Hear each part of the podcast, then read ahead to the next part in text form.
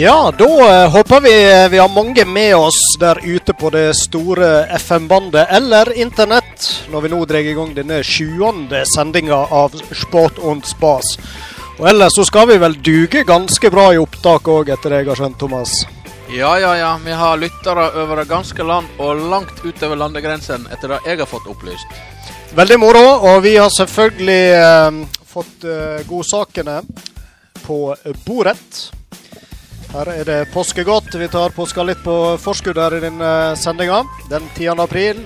Og druer og kaffe og det som hører med. Jeg kjenner det er vanskelig å konsentrere seg nå. Ja. Nei, vi eh, skal øyeblikkelig komme i gang med sakene, men eh, for vi har som vanlig veldig mye spennende på eh, tapetet. Men vi må nå høre litt hva guttene har gjort på siden sist. Du Thomas, du har vært på dannelsesreise til Praha, ikke bare veit? Jeg har vært på dannelsesreise, ja. Inspirasjonstur til Ja. Praha. Fått litt uh, påfyll i lag med pingponggjengen? Ja, påfyll kan du godt si. Ja. Det, det var en kjekk tur. Vi kom oss både ned og opp helskinna hele gjengen, så dette var en innertier.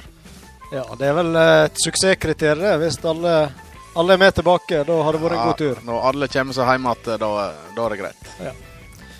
Og Frank, du eh, Ja, du hadde vel en stor kveld i går til liks med Thomas. Eh, det ble spilt en viktig fotballkamp. Ja, i går eh, vant jo Liverpool 2-0 mot Porto i første kvartfinale i Champions League. Så det var solid, men eh, det er bare halve jobben som er gjort. Det er fortsatt en bortekamp i Portugal. Så eh, vi skal ikke begynne å juble for det ennå.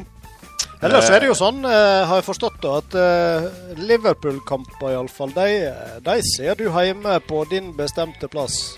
Der har du litt Ja. eh, overtru på linje med fotballspillerne. Ja, Det er jo litt gale, men det har, det har blitt eh, litt sånn, da. Jeg ser eh, kampen hjemme med ungene og, og sitter borti den der kroken i sofaen da, som jeg eh, føler gir best resultat. Der sitter jeg da frampå, litt frampå, ikke bak i nødvendigvis sofaen, for jeg klarer ikke helt å slappe av. da. OK, så det er ikke sånn henslengt? Nei, kose ikke, jeg oss sovner ikke, liksom. Jeg sitter frampå eh, stolsetet, holdt på å si, og tripper. Ellers så er jeg veldig glad for at uh, fotballsesongen er i gang. Eh, jeg er med, med å trene småguttelaget til Stryn, og vi uh, har spilt uh, to kamper der. Og vunnet begge to. Ja. det, er jo, eh, det er jo kjekt å komme i gang med kampene. Gratulerer. Tusen takk. Det var godt. Treneren tar vel litt av æra. Um, eh, den kampen som jeg har ansvaret for, vant vi 1-0 borte mot Sand. Den er Helt ufortjent. Ja. Og det er jo sånne kamper som er så kjekke å vinne. Så bra. Ellers kan jeg nevne, jeg har jo vært og gått uh, skirenn siden sist. Jeg prøver liksom å få meg uh, etter den i løpet av uh, året. Og uh, jeg tror ikke Ja, jeg vet ikke verken stil eller Innsatsen var vel bra, men uh, Gikk du på felleski? Eh, Nei, det var skøyting, så uh, da var det for så vidt uh, utelukka å bruke felleski. Men det viktigste det var at eh, jeg vant duellen mot Edvard Tvinnereim Harbag IL, så da er jeg Ja, godt fornøyd. Men eh, det dukker mot eh, ny duell til helga, da er det Holmøyskarene. så da spørs det om han vil ha sin revansj. Apropos Holmøyskarene, så Ja. vant jo hun Emilie Flo Stavik da i fjor med felleski. Til Mhm. opplysning. Det kan godt hende det er løsninga i år òg. Det er litt sånn eh, problematisk eh, føreforhold nå med den eh, snøen som er. Så Du får få på deg trikoten din og teste. Ja, det er ingen eh, bønn, så da får vi bare be folk holde seg unna løypene. når Kanskje Ove kan streame dette løpet. der, Akkurat Et bulket flagg i form av en helt trikot kommer oppover bakkene. Da Uff, er det Myklebust som er på vei. Tenker deg kvinnfolk å springe til deg.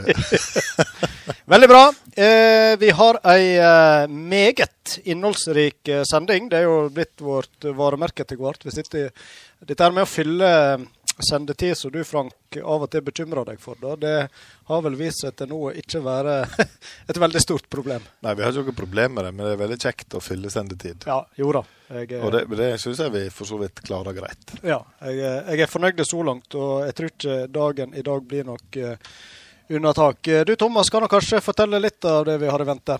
Ja da. Vi kan jo ikke la Stryn sin eh, cupseier mot eh, Førde sist gå hus forbi. Så vi får besøk av eh, trener Geir Inge Rake og kaptein Emil Allesø. De kommer for å fortelle litt om kampen. Og kanskje vi får vite hvem de har lyst på å møte i første ordinære runde 1. mai. Og mens de er gjester i studio, så skal vi òg ha med på telefon en tidligere Stryne-spiller. Jeg vet ikke om det var midtbana han eh, dominerte på. Jørn Lien, nå eh, sportsreporter i NRK. Og ikke minst er jo han òg blitt skuespiller på sine ikke eldre dager, men siste dager. Ja, Han, eh, han briljerer jo som styremedlem i Varg i serien Heimebane. Og det er like kjekt å se han i TV-ruta hver gang. Der gjør han en veldig god figur. Vi får høre om eh, det er noe han har tenkt å satse mer på. Ellers så eh, skal vi prøve å få en eh, liten prat med Jens Isehaug. Direkte fra Old Trafford. Han ser på United mot Barcelona, og der er det avspark om 24 minutter. Så hvis vi får tak i han i pausen, så får vi en liten prat med han. Og da har vi konkludert med det at hvis eh, Manchester United ligger under, så skulle vel sjansene være gode for å få til en å høre hverandre på telefonen der. Og så er det vel kanskje ditto vanskelig hvis de skulle lede. Da er vel stemninga på topp. Jeg tror vi kommer til å høre han godt.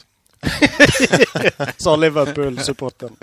Så eh, fram fra sportsarkivet, der eh, har vi leita fram. Eh, det er kanskje Stryns eneste eliteseriespiller i håndball. Mm, Det kan godt hende. Vi skal få besøk av Odny Grete Njøten. Hun har vært en uh, lederskikkelse i Strynehåndballen i mange, mange år. Og hun har òg vært i Eliteserien, som du sier. Og sist, men ikke minst, så har vi med oss en alltid entusiastisk Kjell Kjellen Bigseth. Og han tror jeg gleder seg til at lokalfotballen ruller i gang.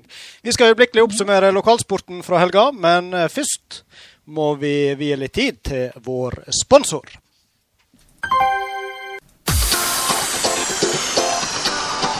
Johans pub er den stolte sponsor av lokalsportmagasinet Sport und Spas på Radio Stryn.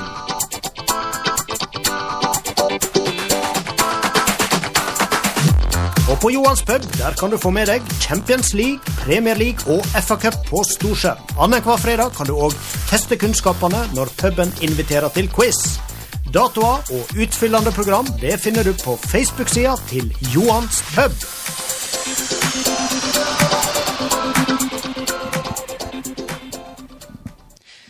Ja, Thomas, før vi går i gang med lokalsportrunden vår, så eh, eh, gjorde vi nå en ny vri med konkurransen sist. Vi eh, lot eh, eh, gå eh, videre fram til denne sendinga, sånn at de som hører på oss i opptakene, òg mulighet til å sende inn. Og det Ja resulterte jo i eh, ganske mange flere svar. Og nå har vi Vi har ikke kåra vinneren ennå. Vi må Den skal kåres i dag. Ja. Skal vi ta det nå, eller? Ja, det kan vi godt gjøre. Vi, har, vi spurte om eh, hva slags klubb i Eliteserien Kjell Rune Flo spilte før Ja. i sin tid. Og der fikk vi inn flere svar. Faktisk ei mangedobling.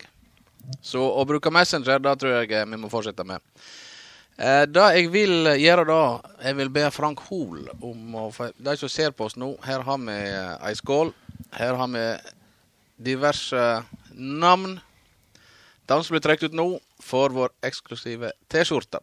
Og I dette øyeblikk så trekker da Frank Hoel ut Du og Jarand lager en eh, improvisert trommevirvel. Eh, Jeg er ikke så veldig god på det, da, men Kjempebra, Roy Aron. Der har vi han. Der har vi lappen. Oi, oi, oi, oi. Skal du, Thomas, få brette den ut og avsløre vinneren. Yes. Det skal jeg gjøre. Vinneren er oi, oi, oi. Terje Mundal fra Stryn. gratulerer! Applaus. Gode greier. Terje Terje Mundal. Smeden Mundal. Smeden Mundal. Ja. Han vinner T-skjorta vår. Det er en bra mann.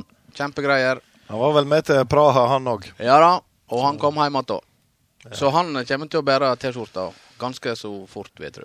Og så Når det gjelder dagens konkurranse, eller den som nå skal gå fram til neste sending, så eh, tenkte vi vi gjør enda en liten ivrig. I stedet for å presentere den tidlige sendinga, så eh, drøyer vi til helt på tampen. Og så kommer vi til å stille et spørsmål med utgangspunkt i det vi har snakka med gjestene våre om. Så her eh, må en bare lytte øyre og følge godt med. Yep. Da skal vi i gang med lokalsporten. Som eh, vanlig så skjer det mye fra våre lokale utøvere. Jeg har inntrykk av at vi nesten hver gang har en norgesmester eller en verdensmester å presentere. Vi er bortskjemt med fantastiske resultat i flere idretter. Og denne gangen er det jo litt artig at eh, en tidligere gjest i eh, Sport Spas, han Jan Ove Hogrenning, han satt jo her og var egentlig tatt fram fra eh, Sportsarkivet, som eh, en som hevda seg godt i, for mange år siden. Eh, ble norgesmester i 2003. Denne helga så var han med igjen i NM. Eh, gjorde et lite comeback etter noen år opphold, og slo til med Ja fantastisk resultat. Han er jo blitt 50 år gammel, men han, han skyter jo på høgde med de aller, aller beste i landet. Og han vant jo sin klasse. Han Jan Ove han uh, vant i 2003 sist gang, så det begynner å bli en del år siden. Men han har jo vært syk i mellomtiden og hatt uh, andre ting å finne på. Men at han kan uh, skyte pil og båge, det er jo ingen som helst tvil om. Nei. Han står jo med 25 medaljer totalt sett, så dette her er jo en medaljegrossist. Jeg Det vil ikke tro mange. han eh, rager ganske høyt oppe på den lista over eh, medaljefangst i, i norsk sammenheng òg. Ja. Ellers så merka jeg meg at den tidligere storskytter han, eh, Martinus eh, Grov, som har vel en fjerdeplass fra OL, han vant vel òg sin eh, klasse under samme norgesmesterskap i Førde. Ja. Han, Jan Ove, han eh, Resultatet hans denne sesongen her, da, da plasserer han jo på sjetteplass i landet, uansett klasse. Det er imponerende. Så det viser jo bare hva nivå han holder. Så applaus til han. Og så må vi òg ta med et godt resultat på damesida. Anne Otelia Hove hun ble nummer sju i eh, recurve dame. Så det er òg et sterkt resultat. Ellers tror jeg Loen skytter bågeskytterklubb de stilte med til sammen tolv utøvere. Så, eh, Spennende det som skjer inne i Loen på bågeskytterfronten. ja. Odd Martin Mørkå kommer på i slengen. Han fikk en fin sjetteplass i compound-klassen, tror jeg det heter. Ja. Meget bra. Ja. Så skal vi over på skiskyting. Det er vel kanskje siste sendinga eh, på denne tida av året vi kommer til å nevne det. Nå er det virkelig på tampen av sesongen her, men disse 13-16-åringene våre, de var i eh, Ål i Hallingdal og gikk på Liatoppen. Et eh, tradisjonsrikt, eh, ganske stort arrangement. Det blir vel regna som verdens største skiskytterarrangement for eh, aldersklassen, så der er det Det er mange der, Frank. Hvor mange er det som er med der? Vet vi det? Ah, det må nå være Ja, nå stilte du meg et vanskelig spørsmål. Jeg tør ikke å si det, men Det er vel en 10-12 klasser, og la nå si det er mellom 50 og 100 i snitt, så eh, jeg tror det dreier seg opp mot en ja, 800 000. ja. 800 000. Ikke 800 000, men 8, 800 til 1000 Den løpere, kanskje. jammen hatt mange Ja. hotellrom i området. Ja, ja, ja. Men Ann-Kristin Aaland hun klinka jo til med en seier. Det gjorde hun. Harbagløperen hun er vel 15-årsklassen. Jepp. Og hun ble òg nummer åtte, så hun er jo eh, ei eh, som virkelig har fått uh, fine resultater denne sesongen her. Og så har vi jo Inger Hjelmeset. Hun er bare 13 år. Første- og tredjeplass. Maren Hjelmeset Kirkeide, andre- og femteplass. Og de tre jentene der gikk Ja, gikk de i lag Nei, de gikk de i lag på stafetten, som ble nummer to. Hun ble Eh, plutselig usikker. Det var vel uh, Inger Hjelmeset og Maren Hjelmeset, og så Emilie. eh, og Emilie Flostadvik. Emilie Flostad. Som gikk stafetten og ble nummer to. Det var vel første dagen. Så eh, det ble mange topplasseringer, særlig for hun Inger. Ja da, og ellers så kan vi nevne Katrine Svarstad Hegdal, Eirik Tvinnereim, Tord Sølberg, Sara Anni Bjørnhaug Ånes, Oddrun Hjelmeset Kirkeide, Oda Svarstad Hole. Veldig flotte plasseringer på alle sammen. Og det var sikkert flere herifra òg, sjølsagt.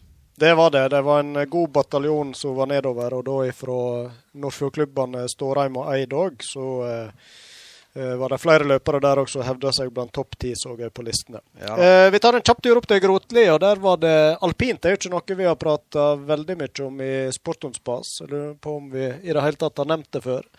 Nå er ikke det så mange aktive fra Stryn lenger, men eh, det er noen eh, løp på tampen av sesongen som eh, har blitt en tradisjon. Grotlirenna, og eh, der ble det arrangert utfor og super-G. KM.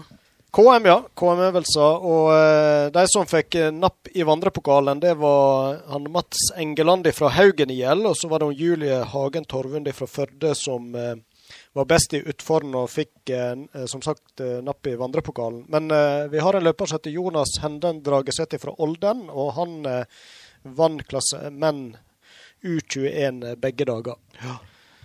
Så han, han har vi jo hørt om før, og er en som eh, tidvis har hevda seg bra oppe på listen i landssammenheng òg. Denne sesongen har det vært litt roligere rundt han, men lurer på om han har hatt en skade. Han brøt vel en fot i høst, ja. Så Ja. eh, det har vel sin naturlige forklaring.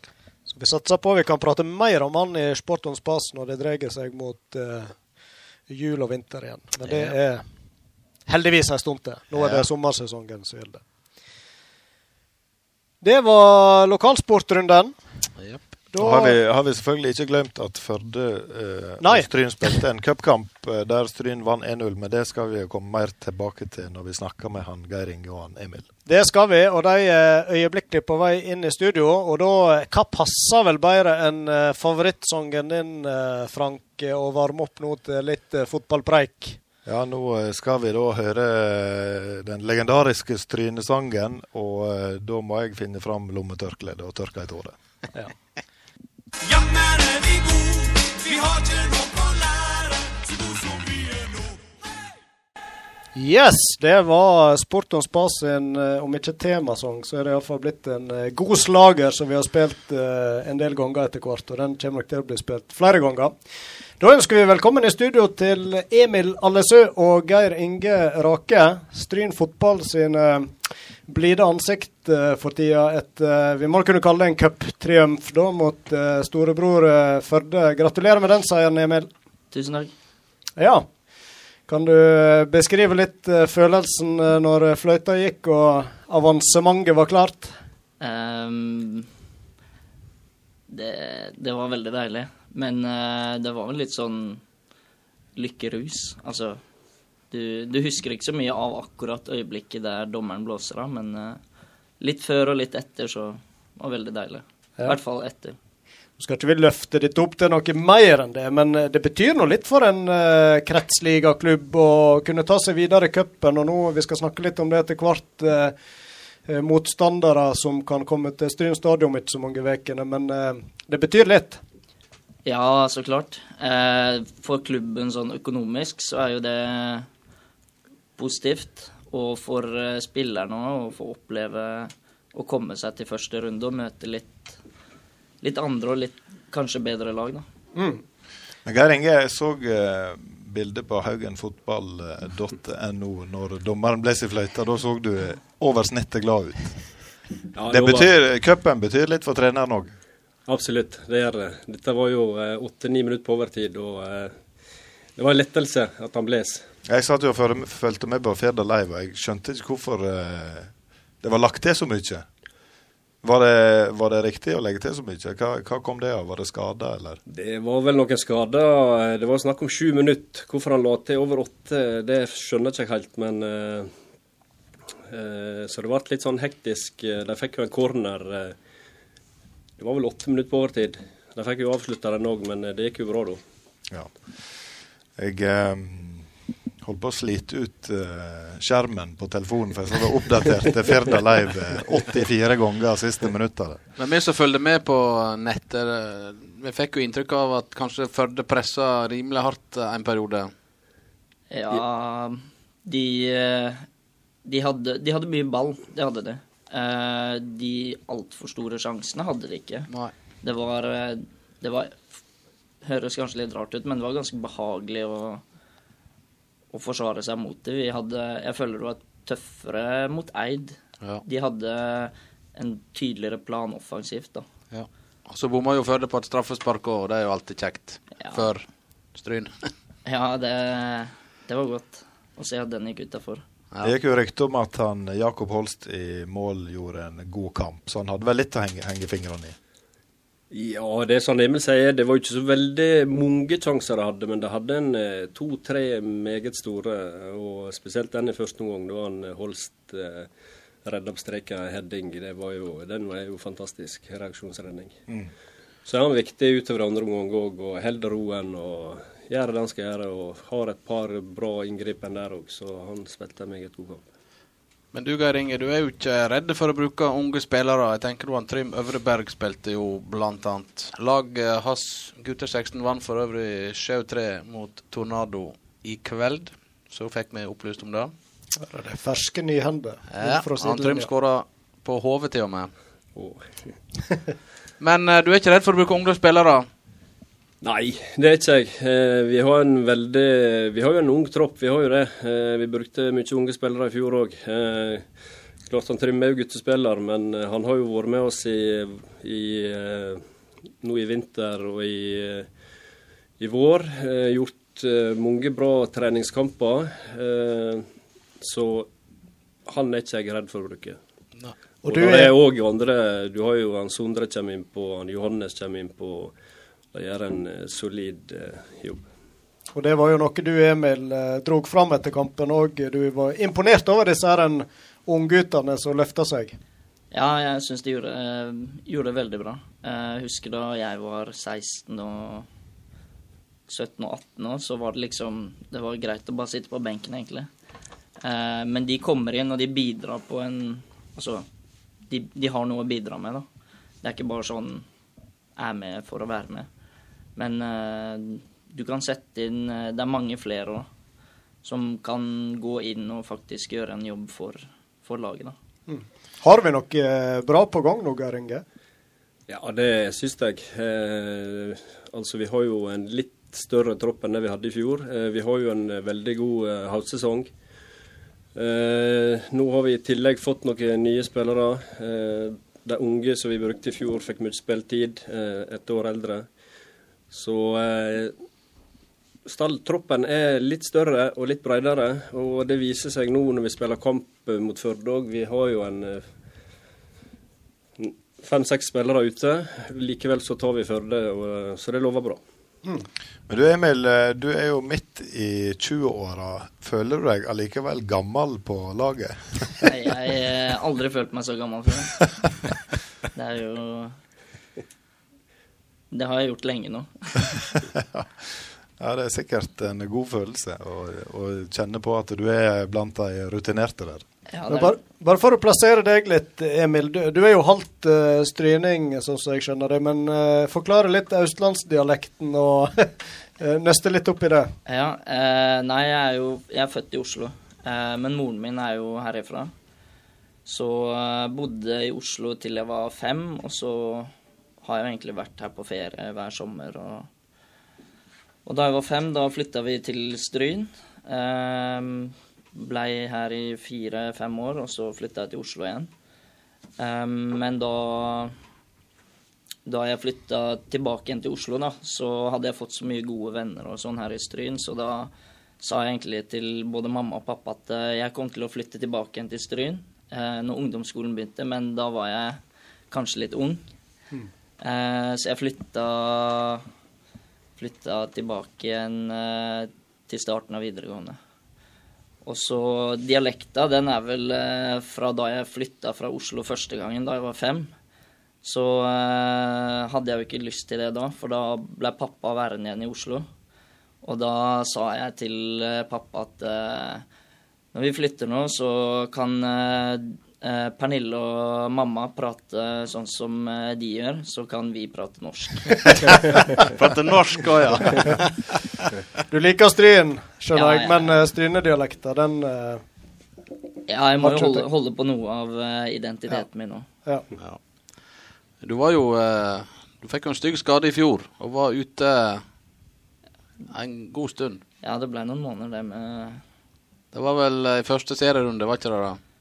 Nei, det var vel tredje. Tredje, det var ja, ja. siste 30 sekundene mot Ja. fjøra. Stemmer det. Stemmer det. Så da Det er disse sogningene, vet du. Og, Ja, Sogninga skal ikke du eh, kødde med.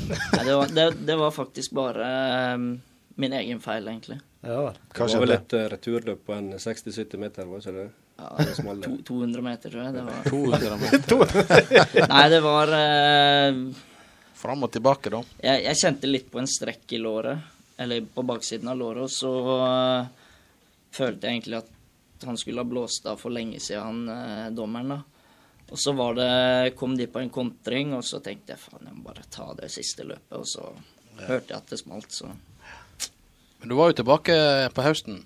ja. Eh, men eh, det kan hende at jeg var litt for kjapt tilbake. Ja. Jeg, jeg sender jo deg en melding en gang i veka, Geir Inge, for å få siste nytt på, på Stryn. Og jeg har noe inntrykk av at du Det er alltid en eller annen som er skada. Er det mye skada, eller er det Ja, det er litt merkelig det der. Eh, eh, der er en del skader, ja. Eh, om det har med Folk tror jo kanskje det at det har litt med trening og litt sånne ting å gjøre. Det er selvfølgelig Det er jo det er litt tilfeldig, mener nå jeg, da. Men eh, det er jo mange som er både på skole og driver på fritida og eh, med fotball. Og klart, skade blir det hele tida. Så det, det er litt sånn vanskelig å gardere seg mot. Men eh, Men da er det bra at du har en større og bredere tropp enn før. det er helt rett. Jeg og du, Frank, er jo òg en del av en stor og brei tropp, for så vidt. Er det? Ja. Hva slags tropp er det? Ja, nå er jeg spent. det veit jo godt. Vi som spiller oppe i Bø på Ja, søndag. ja, ja, ja. Der har jo vi en eh, stor og brei tropp. Men eh, det er lite gjennomtrekk. Vi eh, kjøper veldig få spillere, og vi selger ingen. Nei, det stemmer. Ja, vi solgte en til Arna Bjørnar, da. Det gjorde vi. Eh, han, eh, Han ble for god. han ble for god for oss. Ja. Men du Geir Inge, du kom jo inn som trener i fjorårssesongen. og Har du gjort noen eh, store grep inne, litt inne på dette med treningsregime og den type ting? Det, hva føler du at du har bidratt inn med, hvis du kan si litt om det? Ja, det kan jeg si litt. eh, Altså, eh, jeg kom inn i fjor, ja, og jeg har vel egentlig gjort mye, eller fortsatt det arbeidet som Johan Sigurdsson har gjort. da. Det er ikke store endringer jeg egentlig har gjort. Selvfølgelig, det er jo noen ting det med Jeg ønsker at vi skal spille litt mer direkte. Eh, litt mer aggressiv i press. Sånne ting som drar eh, eh, Og så er det det at eh, en skal få lov å bruke eh, altså midtbanen. At de får lov å eh, ja, holde på ball, og eh, at det er mulig det er begge deler. Mm. Men det var jo sånn i, i, før sesongen i fjor så var jo Stryn egentlig et stort uh, spørsmålstegn i forhold til hvor Stryn sto hen, sånn nivåmessig. Og det var jo mange som var veldig usikre på hvor den ses sesongen kom til å gå. Uh, men så viste det seg etter hvert at uh, de yngste som kom opp på laget med sånn som Håvard Kroken i spissen, tok jo voldsomt store steg i løpet av sesongen i fjor. Så den sesongen ble vel kanskje ikke nødvendigvis for deg, da, men for folk utenfra ble jo kanskje Stryn bedre enn forventa i fjor. Ja, jeg òg eh, syns nå egentlig det eh, at han ble litt bedre. Eh, klart, nå vet jeg hva jeg får med seg gutter der. Han, eh, Håvard, Rasmus, Stian, eh, som jeg hadde på guttelaget året før. Eh, ga dem mye spilletid. I tillegg så hadde du disse her litt eldre og erfarne, så det var egentlig en god miks. Eh, sleit litt i vårsesongen, det gjorde vi. Eh, men eh, kom ut på høsten, så var det fantastisk. Da syns jeg vi spilte mye bra fotball. Ja. Og vi um, skal vel snakke litt om eh, serie, serien litt seinere, Roy Aron. Men eh, det blir jo en spennende sesong, tror jeg. Vi kan jo gå litt tilbake til cupen. Eh, Nå eh, venter vel dere enda mer spenning på trekning og, og den kampen. Eh, Kan du si litt, Emil, hva, hva er drømmen nå? Nei, eh, nå har jo eh, Nå er jeg ikke helt sikker på når det skal trekkes. Det er i morgen klokka to. I morgen klokka to. OK. Da må jeg, da må jeg oppdatere meg. Nei, nei, jeg har nå prata med litt eh, kikkere silder, da. Eh, Paul Hoel. Som eh, sier at vi ikke kan få tippeligamotstand i første runde. Ja, det er feil. Det er feil. Eh, jeg kan si hvorfor han sa det. Det var fordi at jeg sa det til ham. Jeg hadde, jeg hadde lest det en eller annen plass, da, men eh, jeg så oversikt over alle lag som var i, eller med i potten i første runde i dag, og der er alle eliteserielagene med. Ja. Ja, nå Da er vel i hvert fall mitt eh, m- Min drømmemotstander må jo være Molde på Stryn stadion. Molde eller eh, Ålesund eller Sogndal. Tippeliga eller Obos. Det hadde vært, det hadde vært gøy. Dette er vel eh, litt sånn geografisk avgrensa hvem en kan møte, men eh, nå er jeg ikke helt sikker på hvor den grensa går hen. Jeg husker en gang at Lillestrøm fikk Kirkenes på bortebane i første runde. Ja. Men det var vel en eh, et unntak fra regelen. Det der ligger nær Gardermoen. Jeg tror det var det. Jeg spurte jo en, eh, en kar på laget hva han håpte på. Uh, han er da Westham og Brann-supporter. Vi må få et navn. Sigurd. Fan. Sigurd van Dijk. Van Yes. Eh, nei, han håpte da på enten Brann eller da Westham i cupen. Men, men Geir Inge, eh, med tanke på eh, avansement, så eh, hadde det vel vært greiere å få type Fjøra eller et sånt lag. Men eh, det er kanskje ikke så viktig på en måte, eller? Altså, klart at eh, vi kan nå ta de først, og så få et eh, eliteserielag eh, etter det. Det er jo mulig, selvfølgelig. Ja. Men eh, klart, det er jo kjekt å det er sånn Emil sier, få Brann eller Molde eller Ålesund, Sogndal. Det hadde vært litt stas. Er ikke det slik at eh, topplaget eh, automatisk spiller borte i, i første runde? Jo, det tror tror det jeg. tror jeg de gjør utelukkende, alle sammen. Ja. Iallfall eliteserielagene. Jeg vet ikke hvor det er med Obos. Antageligvis de òg. Vi må jo få en kamp på Stryn stadion. Det er lenge siden nå, en skikkelig Skikkelig cupkamp. ja. Men hvis Molde blir motstanderen, da har en eh, reell sjanse, tenker dere? Ja, det tror jeg absolutt. Eh, altså, vi er jo glad for eh, Vi er jo ikke Vi reiser ikke på stadion bare for å være der. Vi eh, har jo tenkt å prestere òg. Mm. Så eh, vi skal jo være til stede. Virkelig. Det skal Det er jo ikke alltid disse her eliteserielagene er til stede i første runde i cupen. Så det er litt undervurdering og litt sånne ting som spiller inn. Så uh, smeller jo cupbomba en eller annen plass Ja, er hver sesong. Ja. Vi skal prate mye mer eh, fotball, eh, se litt framover mot seriestart. Og, og skal ikke vi glemme at han Geir Inge han var en måltyv av rang for Stryn hvis vi går noen år tilbake. Men uh, først litt uh, musikk. Da er det ønska fra Emil her å høre Sirkelsag. Og med låta 'Heimebane', og det kan jo passe bra når vi nå skal ringe opp eh, styrelederen for Varg her, så da eh, hører vi på Sirkelsag. Ja, det er trist som faen, trist som faen. Er ikke like flink med som Ja, det var sirkelsag og eh, heimebane som eh, forsvant ut der. Og da passer det jo eh, som sagt veldig bra å ha med han som har spilt styreleder for Varg i nettopp TV-serien Heimebane. Du er med oss, eh, Jørn Lien. God kveld. God kveld, ja. Det er jeg. Jeg er med dere. Hei, Ja. Hallo.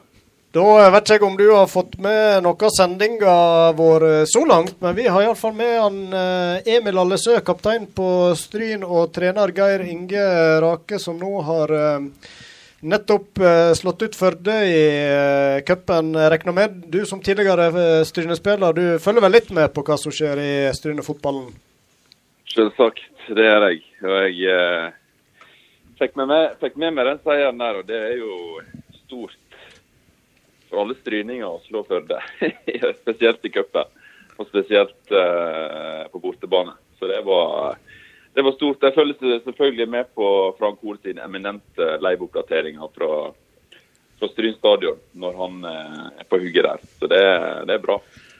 Men du Jørn, er det NRK som har rettigheten til cupen? Det er det. Da, Det fi, det. da fikser jo du en eh, topp motstander til Stryn på Stryn stadion. det er ingen problem, altså. Vi tar eh, Vi satser på eliteserielag eller Obos-lag. Ja, det er Molde, Det, had- det hadde vært stort. Molde som er, de har lyst på her i studio. Ja, ikke sant? Ja. Da får en, eh, og da får en jo en eh, gjentakelse på, på 1997-seieren. Det må jo bli Det må jo bli en gjentakelse på det, helt sikkert. Jørn, var du med og spilte den kampen sjøl? Nei, da sto jeg på sidelinja. For uh, Skada i kneet. Jeg var jo skada i kneet en periode En periode jo- på åtte år. det var jo en helt håpløst en eh, to-tre år der. Så da uh, sto jeg og så på. Men det var kjekt, det òg. Det var det. Ja, det var det. Du, Jørn. ehm, jeg er nå veldig fascinert av dette styrevervet ditt i Varg. Mm. Ja. Jeg holdt på å ramle av sofaen når jeg så deg, for jeg visste ikke om det på, på forhånd. Men eh, hvordan kom det i stand? Nei, det er jo tilfeldigheter som mye annet i, eh, i livet mitt, for å si det sånn. det er jo Hogg og belegg. Ja, ja. Nei, altså eh, Jeg jobber jo i NRK-sporten, og i NRK-sporten så jobber Nicolay Ramm. Mor og mann eh. Nicolay Ramm. Og det var jo sånn at jeg var med på en sånn sketsj som han laga til det her programmet Ram ferdig gå, som gikk i fjor. Ja, stemmer det. Jeg spilte, jeg spilte en eller annen sånn her eh, sur uh, sjef som banka han opp, eller et eller annet sånt. Det var, det var en sånn liten morsom morsom greie. Drømmerolle. Og da uh, så var det tilfeldigvis så spurte de som driver og finner statister og skuespillere, altså sånn såkalla castingbyrå. Eh, det castingbyrået til Heimebane de eh, spurte Nicolay Ramm om han kjente noen som kunne spille en reporter i Heimebane. Altså til, stille to spørsmål til hun Helena etter en eller annen kamp Ja, ja. hun eh, Arnedal Torp der. Og så ja, ja, anbefalte meg da. Jeg fikk mail, kan du være med, er du interessert? Gikk på, ja, gikk på audition. Eh, de filma, eh, sa to replikker, sånne reporterreplikker. Så ja, vi kontakter deg hvis du hvis det er aktuelt. Jeg bare ja, ja, OK, samme det. Det, det går greit. Så ringer de da etter noen dager. Oi, det, ja, det er heimbane her, du. Eh, men vi kunne tenkt, men kunne du heller tenke deg å spille styremedlem? Og det er opptak på torsdag. Ja, nei, men OK, greit. Det, det. Og så til slutt da, så satt jeg der da, i det styrerommet. Måtte du, ja. Ja, Måtte du til Ulsteinvik, eller skjedde det i Oslo? Nei, nei det, det skjedde altså da ute eh, på et eh, noe som heter Ute et filmstudio ute i, eh, ute i Bærum. Jar filmstudio heter det. det. Og så det må jo bare dessverre da si for alle som tror at eh, at alt er spilt opp ute i Ulsteinvik. Alle scenene i det det klubbhuset som dere ser, det er altså da spilt ut Det ligger altså ute i Bærum. Så, det, Nei, nei, nei, nå ødelegger du en illusjon her for alle, alle seere. Men eh, du Jørn, eh, hvor mange år eh, med skuespillerutdanning er det du har nå igjen? Nei, altså det er jo Du vet, et tredje liv er jo et uh, skuespill. Det er jo det, Det livets skole. Det er jo livets skole. Observasjoner.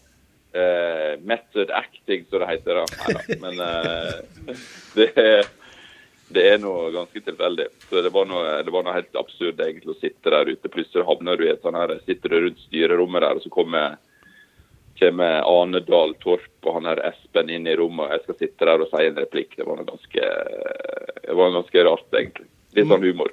Moro var det iallfall. Men du, det det. vi må tilbake til disse gjestene vi har med oss her. og eh, han Geir Inge, er du, en du eh, kjenner veldig godt i fra Stryneåra. Absolutt. Geir Ingeråk er en av eh, Stryns eh, beste spisser gjennom alle tider. Kanskje det tror jeg vi kan si. Det var bra skussmål. Ja. Han var bra. Takk. Jørn. Ja. ikke, jeg er ikke enig i det. da. Altså, jeg, må, jeg, må- si at eh, når han var på sitt beste, så var det, så var det gode ferdigheter, eh, godt, eh, god avslutningsteknikk. Litt sånn Ole Gunnar Solskjær. der eh, Oi, Få oi, tak i ballen der, og så avslutta det hurtig lengst i hjørnet. Litt sånn, Du visste ikke helt når han avslutta. Når han var på sitt beste. Men det var vel en skade, han òg, som jeg husker. Jeg skulle til å si det, Jan. Dere har jo mye til felles her. Han, eh, jeg husker han Geir Inge i garderoben. Han var jo teipa opp med sportsteip og vulkan fra anklene opp til halsen omtrent. Han var ja. budsjettet til Stryn gikk med til sportsteip på den tida. Ja, ja. Vi la jo ut et bilde. Ja. Vi la ut et bilde på Facebook-sida vår i går, Ja. der eh, Stryn slo Måløy 10-0 på stadion i Ja, 3-94. Jeg så det. Det var litt, eh, det var litt løy. Jeg så at jeg hadde skåra et mål der, og det skjønte jeg ikke helt. For at jeg skåret ikke så veldig mye da. Men jeg hadde jo Nei. hadde skåra 1-0-målet der. så det var 1-0 etter, etter 12 minutter. Corner. 1-0 etter Dødball. 12 minutter. Og så tok Var det dødball, ja? OK. Husker du kampen? Ja, jeg husker faktisk litt av Å ja. Ja, eh, han eh, Jørn husker ikke, men han Geir Inge tror jeg husker. Ja, og jeg husker faktisk litt. Jeg tror det var han eh, Hagen som sto i mål på eh, Måløy. Geir Ingerud skåra jo fire mål i den kampen, så det er ikke rart at du husker Nei, det er klart at det, det sitter. ja. Og så litt stilig, da. Laget, der står det kun eh, etternavn i Fjordingen. Ytreide, Sigurdsson, Vallaker, KR Flo, Øvreberg, Naustdal, Brendefjord 38 minutt, PO Tenden, Lien, Kjellaug, A Tenden og Rake. Sterkt lag. Bra lag, det, altså. Mm. Det var godt lag, det. Du eh, Jørn, eh, vi skal ikke oppholde deg hele onsdagskvelden, men eh, det kunne vært litt artig å høre hva eh, hva tror du om eh, videre avansement for eh, Strynelaget? Er det realistisk? De har nå trua selv, selvfølgelig, men eh, du som sportsreporter og litt på sidelinja nå. Ja, det er absolutt mulig. Altså, det er absolutt mulig for et, uh, et fjerdedivisjonslag sånn som det er nå, å slå ut et lag fra Eliteserien. Altså, det er ikke så lenge siden at Førde klarte å slå ut Brann. Uh, nå lå ikke de i fjerdedivisjon, men det, det er ikke så lenge siden at de slo ut Brann. Så altså, kuppbombe, det skjer jo uh, hele tida. Uh, nesten hvert eneste år. Så Stryn som er i flyten nå, uh, slo Eid, slo Førde. Så da, det jo, da kan jo alt skje. Og Hvis en får iallfall et Obos-lag, så er jo alt mulig. Og Det er jo det er, det er fullt mulig. Lokalfotballen er jo, er jo også mer Ja, lokalfotballen det, det svinger, altså. Jeg syns det er veldig fascinerende. Og at en eh, at en må At lokalfotballen blir mer og mer viktig, syns jeg. Fordi at eh, sånn som fotballen er blitt eh, i forhold til eh, Money League og eh, en toppfotball i Premier League og i Champions League som bare Nå kommer det en liten sånn her eh, liten sånn filosofisk eh, greie, da. Men altså det, er det plass til vet du, Sportens Spas. Det liker ja, men altså, sånn, så, så, så nå akkurat nå er det jo er Manchester United mot eh, Barcelona, og det er jo en stor kamp, selvfølgelig. og det er jo enormt å se på. Men sånn som fotballen er blitt i forhold til at den har beveget seg bort ifra måtte, sjela og det fotball egentlig handler om, da, i forhold til lønninger, i forhold til uh, de største klubbene som bare blir eh, enda større, og de, de mindre som bare blir sakka akterut. sant? Så, så lokalfotballen, det, handler, så det, handler, det dreier seg om det som fotballen egentlig dreier seg om. at To lag som stiller på like vilkår, og at en spiller fotball for at det løyer, ikke for at en skal tjene enormt mye penger. Til slutt, Jørn. eh, Er det fortsatt eh, fotballsko på skohylla di? Er du litt aktiv? Nei, det, nei, det, det, det, det er en stund siden nå. Det, det drev på med litt sånn innefotball en periode her i Oslo med noen sånne kompiser og litt sånn forskjellige. Så det er blitt mindre og mindre de siste åra, da. Så det var sånn tre mot tre inne i en sånn gymsal. Det, var ganske, det var en periode med det. Men ellers så har det blitt altfor lite. Så jeg prøver kanskje Eller det hadde vært kjekt å spille litt mer fotball, da. rett og slett. Da får det være kanskje målsettinga denne sesongen. Og så eh, regner jeg med du følger nøye med når Stryn etter hvert skal ut på banen. Så er vi spente på hva laget blir, og det får vi vite i morgen klokka to. Tusen takk til deg, Jørn, for at du ble med oss. Takk for at jeg fikk eh, være med. Ha det godt til Jørn der. Og eh, hvis vi nå eh, tenker litt seriestart òg. Cupen det har vi nå prata litt om, men det er ikke så lenge før serien begynner. Et par uker fram, eller det er tre, så Ja. Hva du tenker Emil? Er det året der det blir et opprykk? Nå har det jo vært eh, noen år på rad med Eller i hvert fall noen år eh, der vi har kommet på andreplass bak noen eh, andre lag og et godt Fjøra-lag òg. Så eh, jeg ga nå faktisk ut en lovnad på fotballfesten om at eh, i år så skulle vi rykke opp, så vi må kanskje bare holde det. Bare pent nødt til å følge opp den. Tenker du det samme, Gering, at en, eh, i år skjer det? Ja, vi skal iallfall være med blant de to-tre beste, men eh, klart målet for sesongen er vel eh, opprykk, ja. Og jeg tror faktisk det er mulighet for det. Og da må dere ha en litt bedre start enn i fjor. Det må vi. Da må vi ut av startblokkene med, med en gang. Det er ikke snakk om eh, Hva skal jeg si? Det er ikke snakk om eh, noe tap eller noe i begynnelsen. Vi må være på hugget med en gang. Og da er det Tornado borte i første serierunde. Da skal vi gjenta, få prøve å gjenta den eh, kampen som var nå i Eller i 93, da. Ja, ja, ja. Geir Inge på banen. Asbjørn var vel på banen det- i fjor. Tror ikke jeg at jeg skal på banen. Men Asbjørn er jo mer sannsynlig, ja. Han var med så vidt i fjor, òg. Ja. Han, var jo, han spilte vel på topp med sønnen av Johannes, i hvert fall.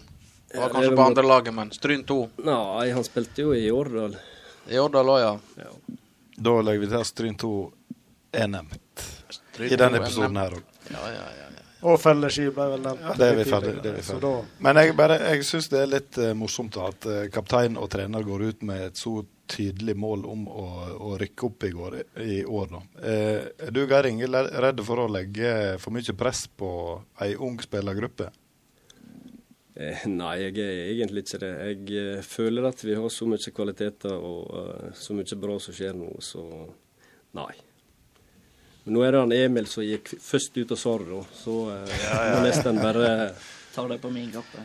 Jeg kan ikke si det at vi skal bli blant to-tre beste, egentlig. Det, det går ikke nå. Men nå er det jo bare til å oppfordre folk til å komme seg ut på stadion. Og så lokalfotball er jo noe av det kjekkeste som finnes. Ja, det er en viktig oppfordring, syns jeg. da, For eh, det var litt sånn som Jørn var inne på på telefonen, at uh, det blir mange som er opptatt av Selvfølgelig har vi våre favorittlag, vi òg, men uh, vi må ikke glemme det som skjer utenfor vår egen stovedør. Så eh, en sterk oppfordring til å komme seg ut. Komme seg på Stryn stadion, på Lund stadion, Thomas. Der trakker jo du ned døren en del. Ja da. Og, eh, og Håndalen òg har jo et eh, lag i år. Så der må håndølene komme seg på, på kamp. Absolutt. Hvem eh, tenker du blir de tøffeste motstanderne, da? Eid var nå ikke så verst eh, når vi så dem på stadion. Nei, Det er vel de to lagene vi har møtt. Eid og Førde som blir vel eh, de sterkeste. Studentspretten nå kan eh, kan være et alternativ. Eh, Florø 2 eh, veit en liksom ikke helt hva Varierer litt, kanskje. Det varierer nok litt, ja. Men eh, det er nok eh, Eid og Førde, ja. Dere blir med oss litt videre utover sendinga, men vi skal ha et lite sceneskifte nå. Vi skal snart få i studio eh, Odny Grete Njøten. Karbonade! Saken er! Vi vasser i arkivet. Ja, og fram fra arkivet, der uh, har vi funnet ei blid, trivelig uh, dame fra Stryn som heter Odny Grete Njøtten. Velkommen til deg. Takk skal du ha. Ja, det var liksom håndballen da som uh, ble din idrett, og vi kan jo spole rett tilbake til ja, slutten av 80-tallet. Det var vel da du begynte, med, begynte med håndballen?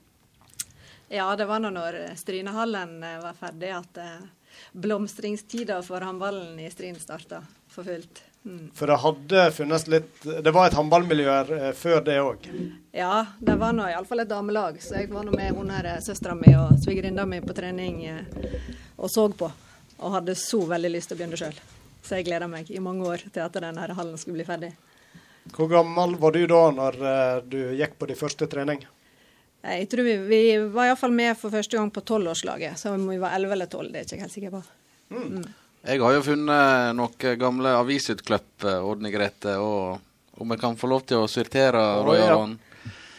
Han Ove Sveen han skrev nemlig litt om håndballen i Stryn. For du ble jo fylkesmester i 93 med Stryn, damelag.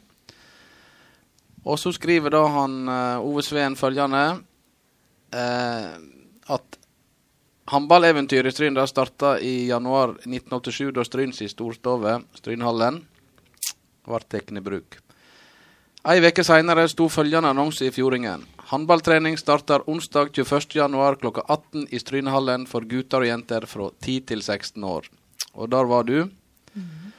Over 100 håpefulle var samla på onsdagstreningene, så det var vel sikkert en eh, bra gjeng, vil jeg tro, som sprang rundt. Jeg husker det, vi kom ut av garderoben der første gangen, og det bare strømma ut med folk og unger. Ja, ja, ja. Det har vært litt eh, vrient å organisere de treningene, tenker jeg. Ja, jeg er glad jeg ikke var trener da. Samme høsten stilte Stryn med jentelag både i 12-, 14- og 16-årsklassen. I den yngste klassen fant vi både Odny Grete Bø, Ingvild Flo og Vibeke Roksvåg. Vibe, Vibeke Spjelkavik var den sentrale spilleren på 14-årslaget. I 16-årsklassen fant vi Lisbeth Nedreberg. Så her er jo mange gode håndballnavn. Ja. Var, Eh, var det mange av disse vi hørte nå, de ble med videre opp til senioralder òg? Ja, Ja. det var vi. Jeg husker første gang, eh, første seriekampene vi spilte, da skulle vi til Florø og spille mot Florø 1 og Florø 3. Vi var jo kjempenervøse og veldig spent på om vi egentlig kunne spille håndball. Så første kampen, da vant vi 7-2 mot Florø 1, og så vant vi 23 eller 24-1 mot Florø 3 i andre kampen. Oi, Så oi, vi var godt fornøyde. du verden. Da var sjøltilliten på plass. Ja, ja. siden Resten er, resten er historie. Men, men hva var det med Du var kanskje inne på det, det at søstera di allerede var involvert i håndball. Eh, var det det som gjorde at du òg fikk eh, liksom Dette ble din idrett, da? Eller? Ja, så hadde du nå disse her bronsejentene som Ja. for, kom for fullt. Hanne Heg og disse, eller? Ja, ja, ja, ikke sant. Det var vel i Var det i 86? 86 var det vel, ja. Så ikke sant, da blomstra jo alt, Ja. og vi var jo Husker det Noen av disse venninnene mine var jo Hanne Heg, noen var Ingrid Steen, og det var jo liksom om å gjøre å etterligne noen. Hvem du var da? Nei, jeg var vel Hanne Heg, sikkert, for hun hun ja. spilte jo midtback. ja stemmer det. Det brukte jeg òg å være. Uten sammenligning for øvrig, kanskje. Men eh, miljøet ellers, da? Hvordan utvikla seg fra å være kanskje litt kaotisk i starten? En begynte med noe nytt eh, og ny hall, men eh, kom det fort på plass? Og, Ja da, ja da. ja. Og eh, Hvordan var åra oppover da gjennom ungdomstida? og eh, Ble det fort et uh, godt lag, eller? Ja, vi var nå en god gjeng og uh, gjorde det veldig bra, uh, i alle fall innenfor fylket. Og så var vi vel på Petter Wessel Cup i Når kan det ha vært? I 90, kanskje. Og da uh, tapte vi jo alt. Vi skårte kanskje to mål på hele turneringa, så da kom vi ned på jorda. Første nedturen. Det var første skikkelige nedturen, ja. Ja. Men eh, så er det jo grunnen til at vi har tatt deg eh, vil ha deg på besøk i studio, det er jo at du markerte deg kanskje som et ekstra stort talent. eh, og fikk eh, Ja, når fikk du prøve deg på seniorlag her i Stryn, da? Hadde, Eh. hadde dere seniorlag da? Når, eh, Ja, Ja. det var seniorlag hele tida, mm. mener jeg. Og det var det nok. Eh, nei, vi var nå vel 16 da når vi fikk spille på damelaget. Tror du det er sånn som det er nå? Mm. Men eh, de her eh, Når du var 14-15-16 år, var det noe sånn kretstiltak, kretslag, sånne ting i håndballen da? I Nei, vi var aldri på noen sånne tiltak. Det var hun Vibeke Spjelkavik som dere nevnte. Hun eh, husker jeg, hun ble, I det årskullet der, der hadde de det. Og så ga de seg med det når vi skulle Når det var vår tur. Å ja. ja. Ja. Men eh, det var ikke så mange år etter du ble 16, så eh, gikk jo du til en eh, ganske god klubb som heter Fåberg. Ja. Ned, mot, ned med Lillehammer, er det vel. Mm. Førstedivisjon, det Husker du overgangen dit, og hvordan det opplevdes for ei 18 år gammel jente? Ja, det var nå klart det var spennende. Eh, jeg husker vi eh, skulle spille cupkamp i oktober. Jeg flytta nå ned når vi skulle begynne på skolen i august der. Så i eh, oktober så var liksom eh, Skulle vi spille cupkamp mot Byåsen, som da var Norges beste lag. Eh, så det var nå en bra, stor Trine overgang. Haltvik, var hun der òg? Trine? Haltvik var jo den store stjerna. Er ikke hun der ennå? ja. Ute med skade, kanskje. Men hva, hva var grunnen til at det ble Fåberg? Eh, det var fordi at det ikke var så veldig langt hjemmefra. og så kom jeg inn på skole som bare var ettårig, og så var nå målet da å komme til Oslo etterpå og gå på idrettshøgskolen. Så, eh, ja, og så var det håndballag, så det var egentlig mest av håndballen og eh, ja. Men hadde du litt ambisjoner på håndballbanen på den tid? Ja, ja, ja. Det hadde jeg nå absolutt. Ja. Og du ga jo deg ikke der, for du for videre. Var det studiene som fikk deg ja, til Oslo jeg, året etter, eller? Ja, så for jeg på idrettshøgskolen etterpå, året etterpå, og da begynte jeg å spille på Refstad Veitvet, som da var i Eliteserien. Fikk du eh, bra med spilletid? Og Det var nå mye på benken, men en slapp nå innpå, og en følte at en var en del av laget, så det var veldig kjekt. Og da spilte en på lag bl.a. med hun Ingrid Steen, som da var i disse Yes. her Ja, oi, sånn. mm, Hun hadde skråtarm. Hun hadde skutt Du der. Hun var begynner å bli gammel da, så hun var, ikke så, hun var veldig taktisk og sprang ikke så veldig mye, så hun eh, Ja. Men Refstad Veitvet hadde nå et godt herrelag, eh, Ja. mener jeg å minnes Mm. òg. Herrelag, ja. Ja. Det var noen av disse fedrene til de som jeg spilte på lag med, var blant de store. Han, Harald Tyrdal blant eh, han. Ja. Mm.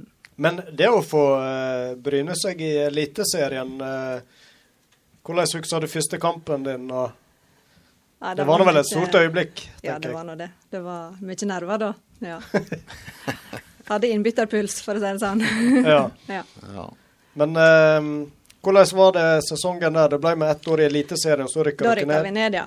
Og da eh, var det ett år i førstedivisjon etterpå. Og i eh, mellom de to åra der så hadde vi da bl.a. ei eh, treningssamling i Stryn med Refstad Veitvet. Eh, og da hadde jeg Husker ikke helt hvem det var, var det Bente? Jeg lurer på om det var Bente Bjerkenås som hadde samla i hop et Nordfjord-lag. Så spilte vi da treningskamp mot eh, Refstad Veitvet mot Nordfjord. Ja. Mm. Hvem vant? ja. Nei, husker ikke.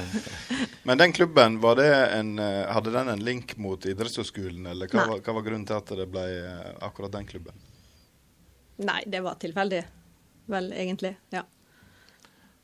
Det var ikke noen du Det var ikke noen Nei, jeg du kjente ikke noen i det hele tatt. Nei da, Nei. det var det ikke. Så Men jeg- eh, er du den eneste fra Stryn håndball som faktisk har prøvd seg på så høyt nivå? Det er nå ikke flust av eliteseriespillere herifra, meg bekjent iallfall. Nå eh, tenker hun så det knaker her for eh, Det- Om, ehm, nei, her er, det her er et par, ja. par til. et par Mm, til, ja. mm. ja. ja for ikke, du, du er medlem i en ganske eksklusiv uh, eliteserieklubb, om vi kan kalle det det. da. Så det er Det kan ikke være mange. Men noen er det helt sikkert. Men uh, beskriv litt den tida, Ordne Grete. Var det Du hadde ambisjoner? Var det liksom Du kom inn i Eliteserien, du var, du var ikke så gammel heller, på, på et par og tjue kanskje. og Var det landslag? Hadde du ambisjoner sånn, eller kan du beskrive litt? Hvordan tenkte du på den tida? jeg hadde vel egentlig ikke det. Jeg var godt fornøyd med å være der jeg var, og eh, grunnen til at det ikke ble flere år, det var nå litt fordi eh, eh, jeg er veldig glad i å drive mange forskjellige ting, og det tok nå veldig mye tid. Mm. Eh, og det var veldig seriøst. Eh, sånn at for meg så ble det litt for alvorlig, på en måte. Jeg liker å ha det kjekt når jeg spiller håndball, og det klarte jeg kanskje ikke helt. Det ble, eh, det ble for mye alvor. Eh, og jeg fikk drive med litt for lite andre ting. Fikk være for, for lite på ski, f.eks. Ja. Mm. Så eh, det var vel grunnen, hovedgrunnen til at jeg ikke holdt på i flere år. Mm. Men så gikk vel turen til Danmark. Og du spilte jo håndball der. Ja da, det var mer for moro skyld. Ja. Ja.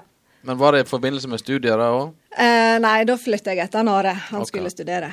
Så Ja. jeg eh, skulle Jeg jobba. Så det var ikke håndball på heltid? Nei, det var det slett ikke. Var ikke. proff? nei. Nei. Å nei. Hva klubb spilte du for da? En klubb som heter IF92. Det var et nydelig Hva du kalte, du han?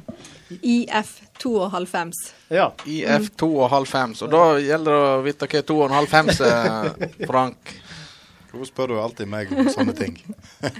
Tar en råsjanse på 92, jeg, men eh, For fordi du er jo oraklet vårt, Frank. Halv fem, det er ikke det 25 da? Nei. Det er ikke det? Det er 90. Er det 90? Ja. Skivebom. IF 90.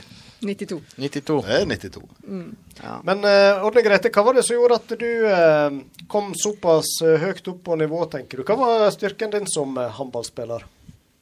Ja, si det. Hvis du skal an analysere deg sjøl litt. Nei, det, altså grunnen til at den kom så høyt, det var vel for at en syntes det var så kjekt, og en hadde ikke, hadde ikke lyst til å slutte når en flytta vekk på skole. Ja.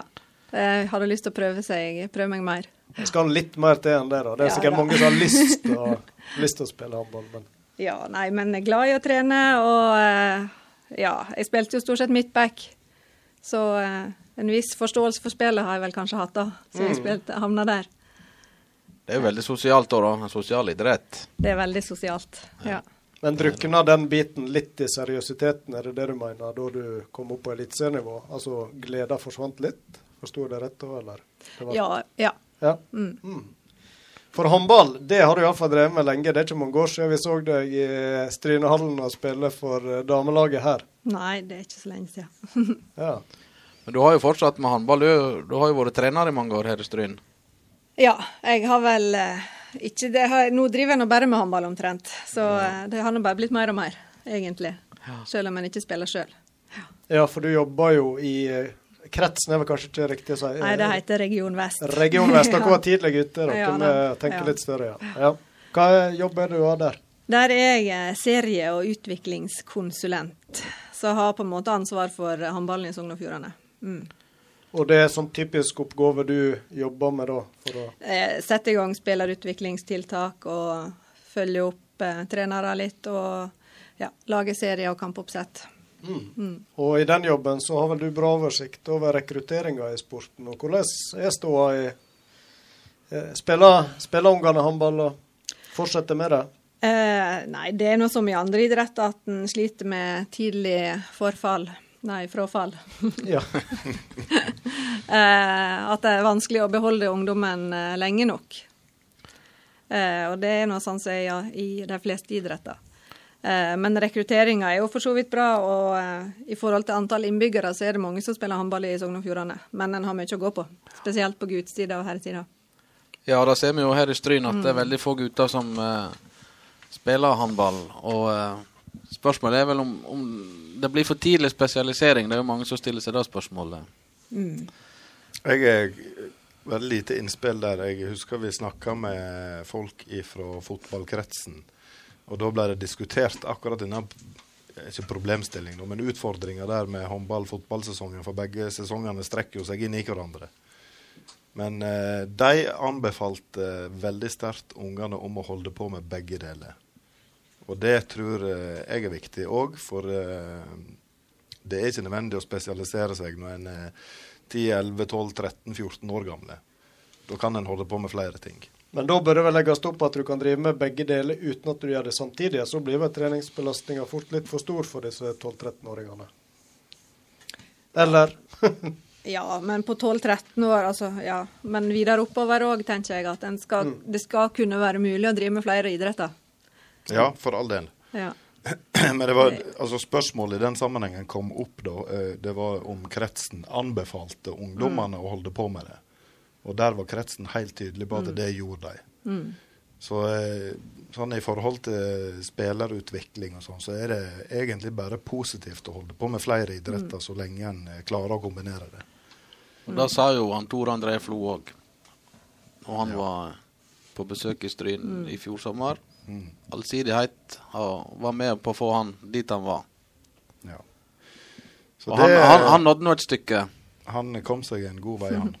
Så det må være en oppfordring at eh, Og spesielt eh, fotball, som er nå en eh, sommeraktivitet, og håndball, som er en vinteraktivitet, det bør det være fullt mulig å kombinere. Ja. Og du Ordning Grete, har jo som sagt holdt deg gående med håndball aktivt inntil ganske nyss.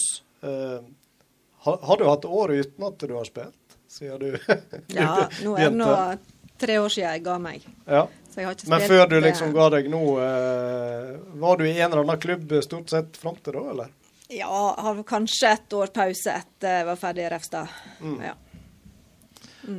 Tenke litt og drive med andre ting? Så har jeg nå vært gravid litt innimellom, og da har det vært naturlig pause. Ja, ja. Ja. Hva vil du si til slutt er den eh, store greia med håndball som gjør at en skal begynne med det, da? Jeg tenker at det er lagspillet en lærer vanvittig mye av å drive med et lagspill, både sosialt og hvordan ta vare på hverandre og oppleve noe, noe i lag med andre. Det Det tenker jeg det er det viktigste, viktigste med, med, med idretten. Det mange ikke vet, er jo at Ådne Grete hun var en eh, meget habil straffeskytter. Det har jeg sett i flere aviser bakover. Du tror aldri har bommet på straffekast. Og det har jeg nok. Men jeg husker jeg var med på en cup når jeg hadde kyssesyke. Og da eh, var jeg med, og da var jeg bare inn og tok straffe. Ja. Spilte ikke. Var du en kald fisk? Det var kanskje det. Veldig kjekt. eh, Du tok turen til Radio Stryn-studio. Tusen takk til deg, Ordne Grete. Og så eh, lykke til videre med håndballen, uh, iallfall utafor banen. Så uh, håper vi det at uh, rekrutteringa tar seg opp uh, ytterligere framover. Da skal vi uh, videre i programmet, vi. Men eh, ja, vi har vel en eh, en fast eh, spalte som vi eh, skal sette i gang. Så da eh, Sitat, ord og uttrykk fra sportens verden som du nå får servert, enten du vil eller ei, ved Frank Hol. Ja, da skal Frank Hol få skine litt med kunnskapene. Da er vi som vanlig spent på hva ord og uttrykk fra sportsverden du har leita fram. Ja, eh, det er noe litt ymse en kommer borti når en spekulerer på dette der. Eh, I dag skal vi ta for oss et uttrykk som heter 'Hvor lenge var Adam i paradis'? Du verden. Er det et sportsuttrykk, altså? Det, Jeg tror det kan brukes eh, i sport og i, i veldig mange sammenhenger. Sport og i spas. Ja. Vi kan jo spørre eh, Taule, f.eks. Har du noe eh, connection til det uttrykket? Nå, nå, tenk- nå hva- føler jeg at jeg kom litt tidlig inn uh, der. Hva tenker du når du hører det? Nei, altså Hvis du fremfor for å da 30 sekunder før slutt, og tror du har vunnet, og så f.eks. for eksempel i håndball, og så kommer motstanderen og dunker inn et mål Nettopp. 12 sekunder etterpå. Da var Ja. ikke jeg lenge i par paradis. det er litt sånn eh, kortvarig lykke, ja. Det, Det er, det er så godt beskrevet, Roy Aron. Det er akkurat Så det som står i fasiten. jeg kikka i fasiten, da, kanskje. Kortvarig lykke utsagn som signaliserer at en bra periode er over. Men ehm, altså Adam i paradis, det er jo eh, et, eh, et kjent fenomen, det. Adam og Eva eh, var jo der og vasa rundt ei stund. Um, men spørsmålet Altså, for å finne litt ut av dette her, da, så måtte jo jeg um, Til middelalderen. Da måtte vi grave litt, og da, da kom, vi, kom vi til middelalderen. Vi gjorde det, ja. ja. Og Der har vi vært før. det vet jeg at Thomas er veldig glad i middelalderen, så det er jo hyggelig. Ja. Men spørsmålet da er hvor lenge han var der. Hvor lenge var egentlig Adam i paradis? Og det eh, skal jeg si deg at det er det mange teorier om. Ja, så jeg tenker Hvis det er kortvarig lykke, så snakker vi vel eh, Det var vel kanskje bare noen minutter etter? da? Ja, eh, en skulle jo tro det. Men um, ifølge det som jeg har funnet ut, og det er det at um, Ifølge første Mosebok Nå er jeg jo i, i Nå er du så dypt nede i materien. Ja, det er, der, og der koser jeg meg. Um, Jeg tror, vi, jeg tror ikke det er lektorhol, nå er vi på teologhol etter hvert her. Ja, jeg har ha mange hatter på meg. Eh, men eh, ut ifra første Mosebok da, så kan de ikke konstatere hvor lenge verken han eller Eva var i paradis. Men eh, i ei bok, tysk bok fra 1797, den har sikkert du lest, Thomas, men iallfall så eh, siterer jeg Vi lange var Adam in Paradise? heter det da på tysk. Ehm, der er eh, spørsmålet om tid eh, og ja, Nå, nå, eh, nå bomma jeg litt, for jeg skulle egentlig ta ei bok Jeg skulle lenger tilbake i tid. eh, jeg, skulle ta en tysk eh, det, Jeg har lest så mye tyske bøker at det går litt i surr. Blir vi ferdige før midnatt nå? Ja, Ei tysk bok som heter Lucidarius fra 1190-åra. Der får du svaret på hvor lenge han var i paradis. Ok, Skal vi be lytterne eh, oppsøke den på biblioteket, da? eller? Eh, ah, nei, Nei. det skal ikke de gjøre, for det er sikkert eh, tungt stoff. Men eh, sju timer er da eh, fasit. Sju timer, det var nå Det syns jeg var lenge. Ja, men ha nå litt tålmod nå, for her kommer det mer. Lucidarius, den her tyske boka fra, eh, fra 1100-tallet, det var ei, ei quizbok fra eh, den nydelige middelalderen som vi er så glad i. Oh, ja, de Eh, drev med sånt òg, altså? Og der, den eh, quizboka, og det syns jeg var veldig fascinerende, for der er det da en disippel som spør en mester om eh, Spør sine spørsmål, og mesteren svarer og har tydeligvis svaret på det meste. Og han skriver i den boka at eh, Adam var i paradi, paradis fra eh, midt før middag, altså fra noen, til midt etter middag. hvordan han kunne si det så spesifikt, det sier historien ingenting om. Og, og for meg så høres det helt fjåsete ut. Men det er ikke nok eh, med det. Nei. um, ifølge denne boka da, så ble Adam skapt i den tredje timen, og det er ganske tidlig i verdenshistoria. da. Eh, Eva ble skapt i den sjette. Og det hun uh, rota seg borti, det var at hun åt ganske straks av den forbudte frukt. Som selvfølgelig da ble deres bane i paradis, og de måtte forlate staden. Det var den eplegnafsinga, ja. Stemmer. Ja, om det var tafsing, gnafsing eller hva de holdt på med der, det vet ikke jeg, men ut måtte de. Det som er det aller Nærmer vi kjekkeste oss konklusjonen, eller er det Å, dette blir deilig å høre på podkast, kjenner jeg. Eh, etiopisk ortodokse de mener at Adam var der i sju år. Og det er jo helt skivebom i forhold til det er kortvarig lykke, hvis det var Ja, nettopp. definisjonen. Ja. Det, det ødelegger litt av slagkrafta til uttrykket som skal betegne kortvarig lykke. Men så står det til slutt alt er relativt. Adam ble ifølge Bibelen hele 930 år. Kjempegreie. Supert, Frank. Dette Fantastisk. var et av de bedre. Eh, vi slipper til Outcast. Eh, så skal vi eh, videre i sendinga. Kjell Kjellen Bigset skal vi snakke med. Thomas. Vi har mye i vente.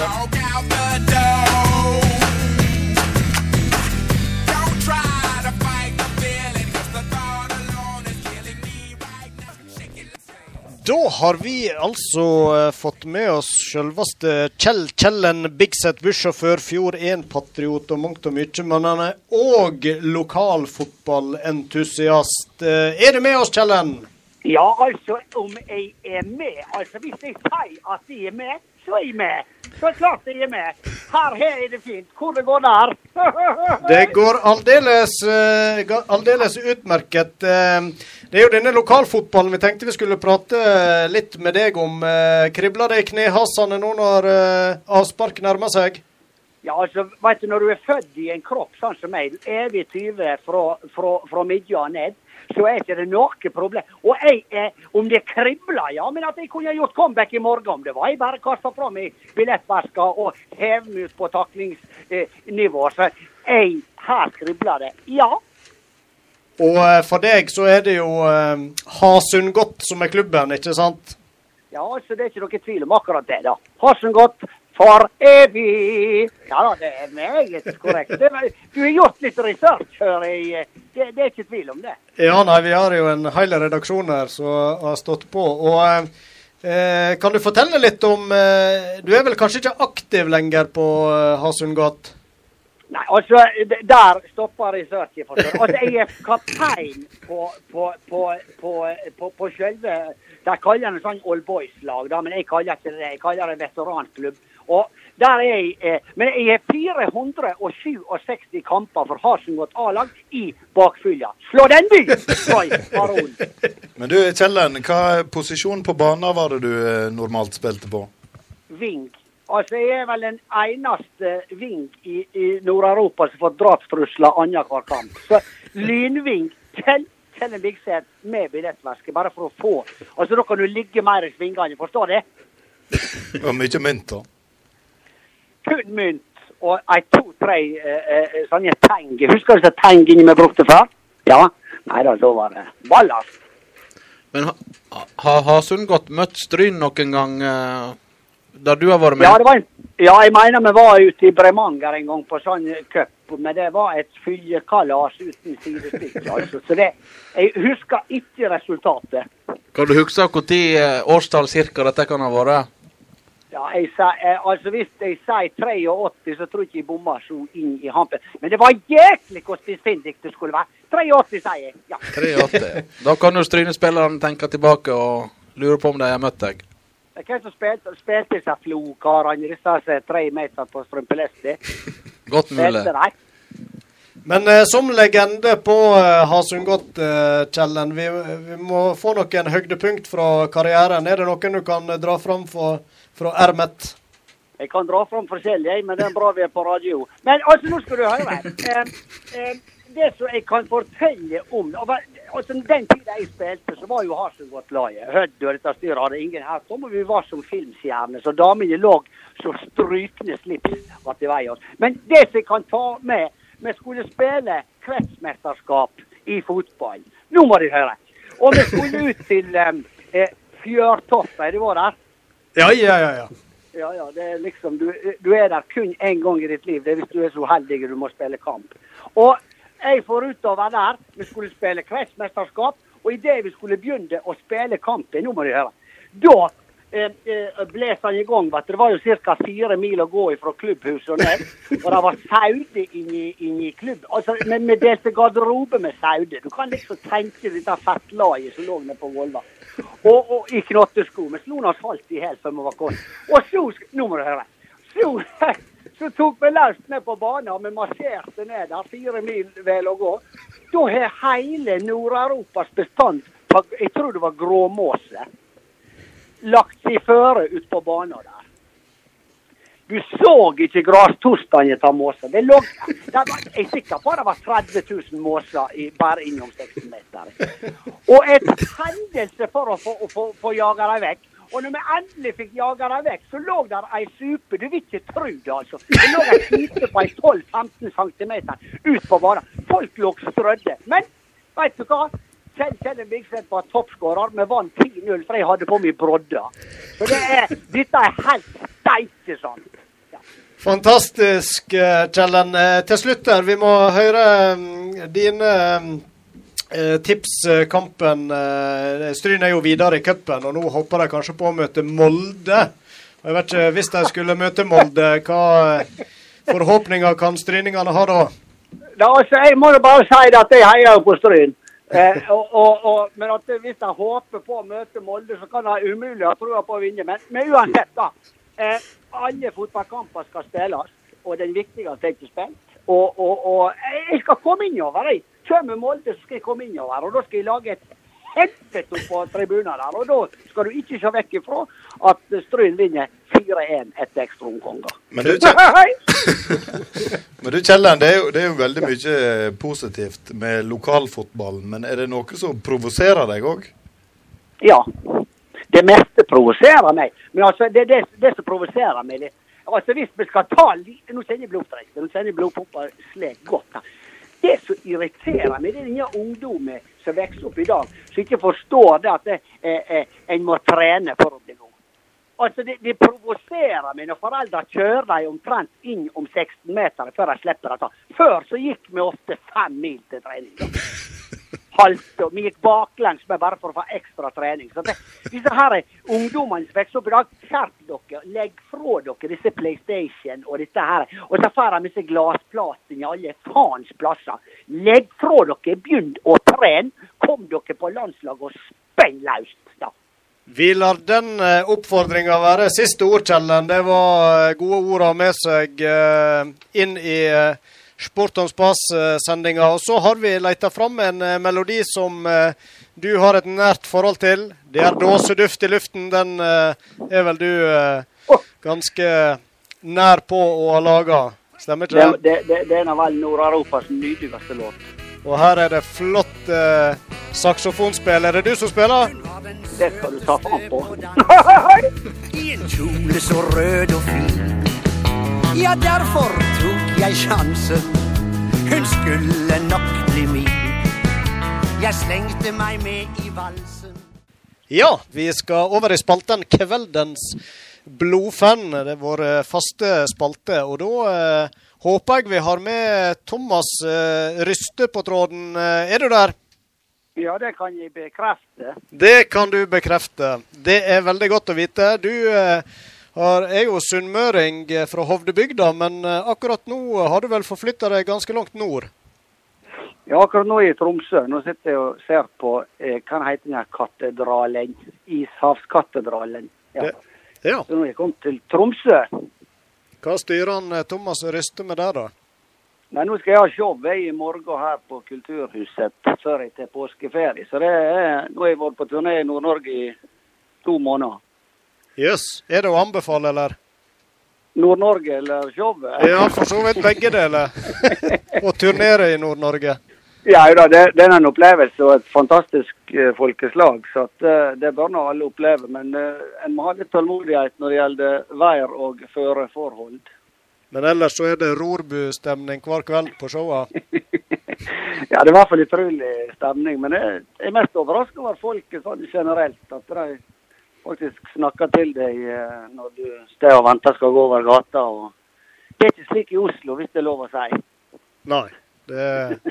Litt mer imøtekommende. Men du, vi eh, har deg med nå, for eh, vi har jo vår faste spalte, som sagt, eh, der vi snakker med fotballsupportere, ulike lag. Og du vet jeg er en stor RBK-fan, Rosenborg. Ja, det er korrekt. Ja. Fortell litt. Hvordan ble det klubben i ditt hjerte? Ja, det er nå eh, Ja, jeg når jeg var sånn tre-fire år, da bodde foreldrene mine i Stjørdal, eller Stjørdal, som de sier. For far min gikk trafikklærerskole. Så da eh, Jeg husker ikke så mye av det, annet at jeg vet at jeg har vært på en Rosenborg-kamp der Odd Iversen spilte. Og eh, jeg fikk en stor pakke med popkorn som jeg åt i første omgang. Og så dreit de meg ut i, i pausa. Og det var jeg og faren som var på tur, så han kjørte tilbake til Stjørdal i pausa, for han jeg måtte skifte på meg.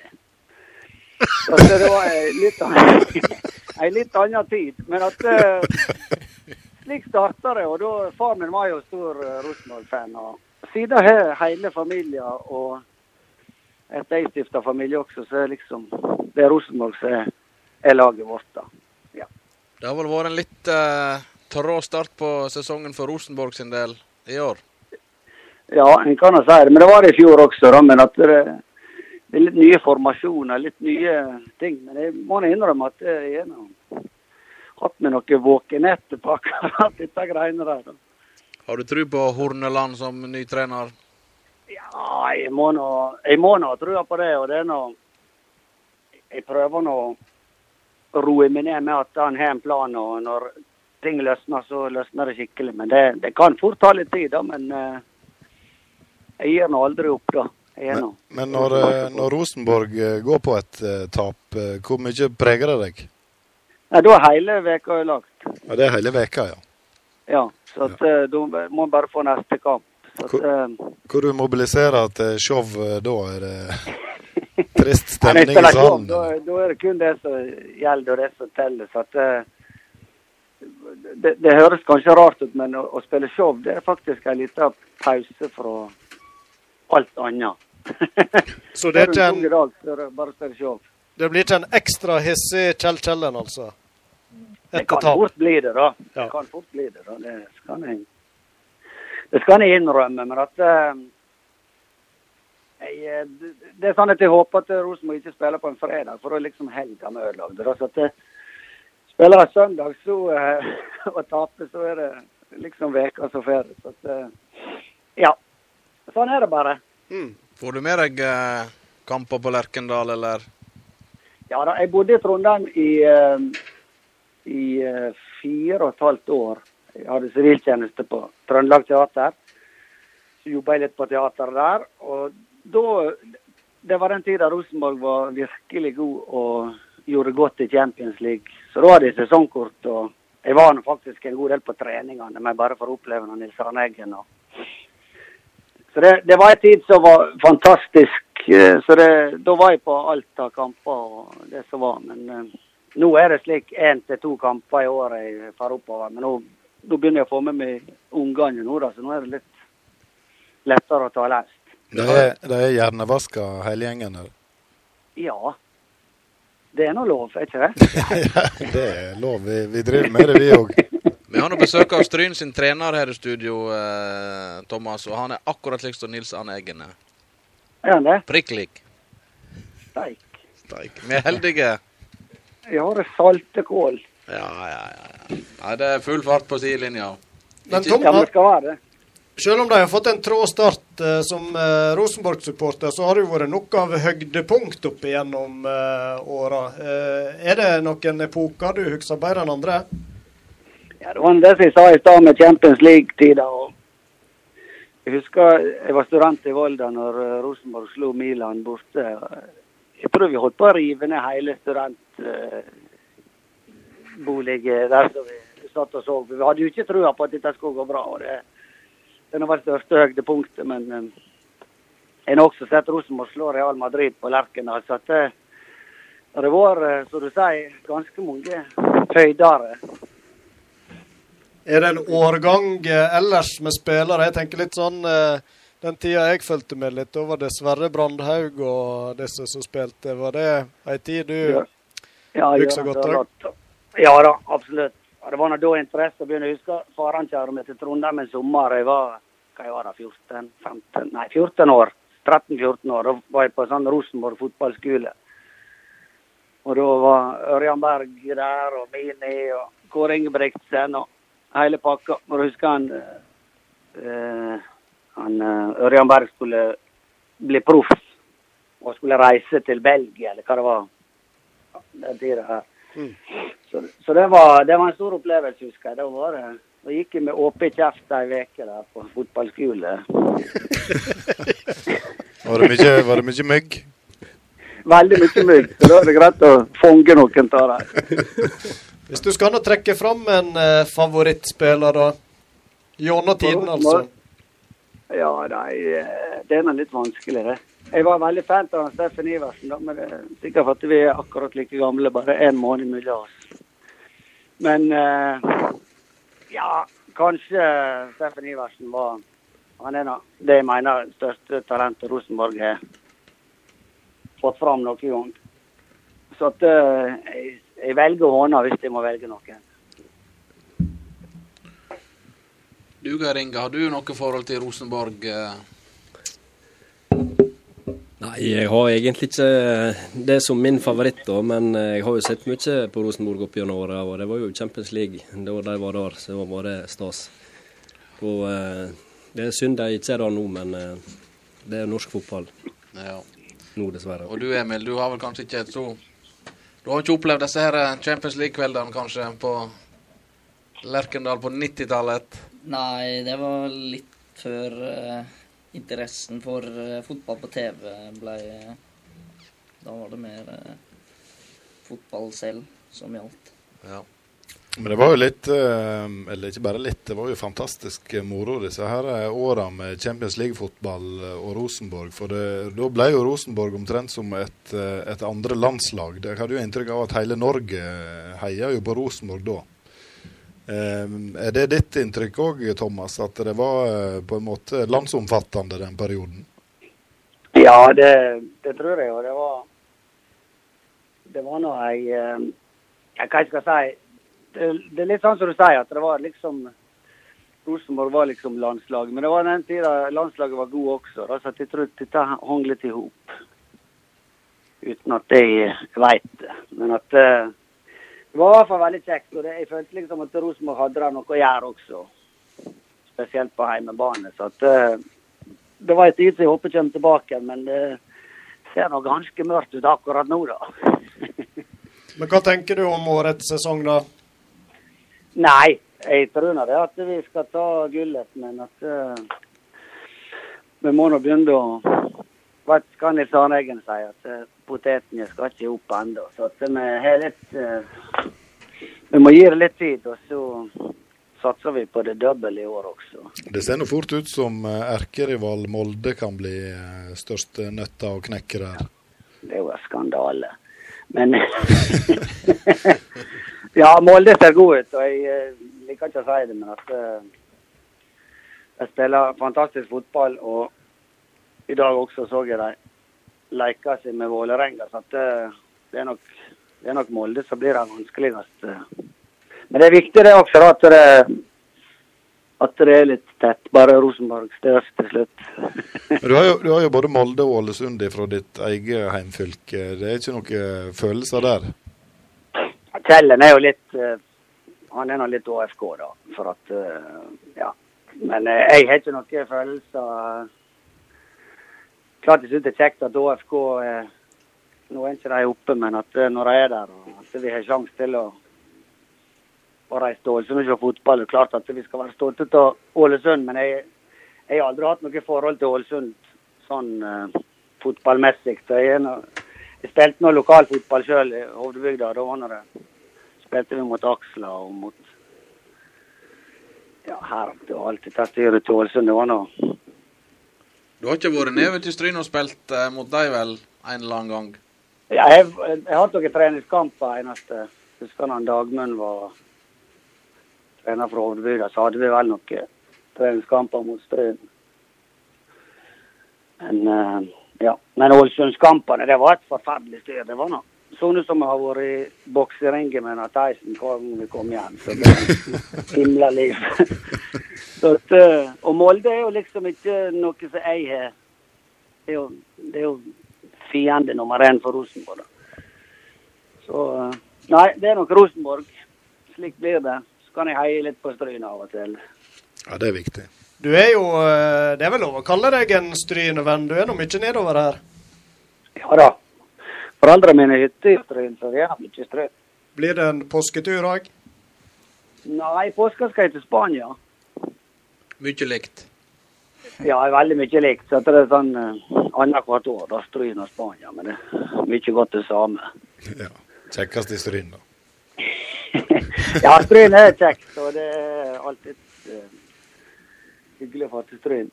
Mye liv og, og røre alltid. Så at, eh, dere skal være stolte av heimbygda deres.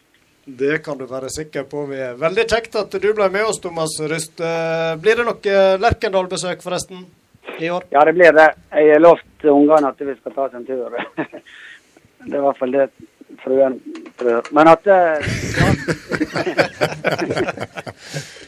at vi skal på Lerkendal og, og se litt kamper. Så vi håper de friskner til igjen. Men det tror jeg de gjør. Kjempeflott. Da eh, ønsker vi lykke til med Ja, vi må kunne ønske lykke til med Rosenborg, om vi ikke akkurat er fan av de alle som sitter i studio. Så gjør vi det. Og tusen takk igjen, Thomas, for at du ble med. Og så må du ha break a leg på showet etter hvert. Takk for det. Og takk for at vi fikk være med. Det var veldig hyggelig. Da sier vi takk til Thomas, og så eh, skal vi eh, snart eh, presentere en konkurranse. Og vi skal òg gjøre et forsøk på å ringe han Jens eh, Isehaug, som er på kamp bort i England. Men vi har litt problemer med å nå igjennom, men vi gjør et lite forsøk til.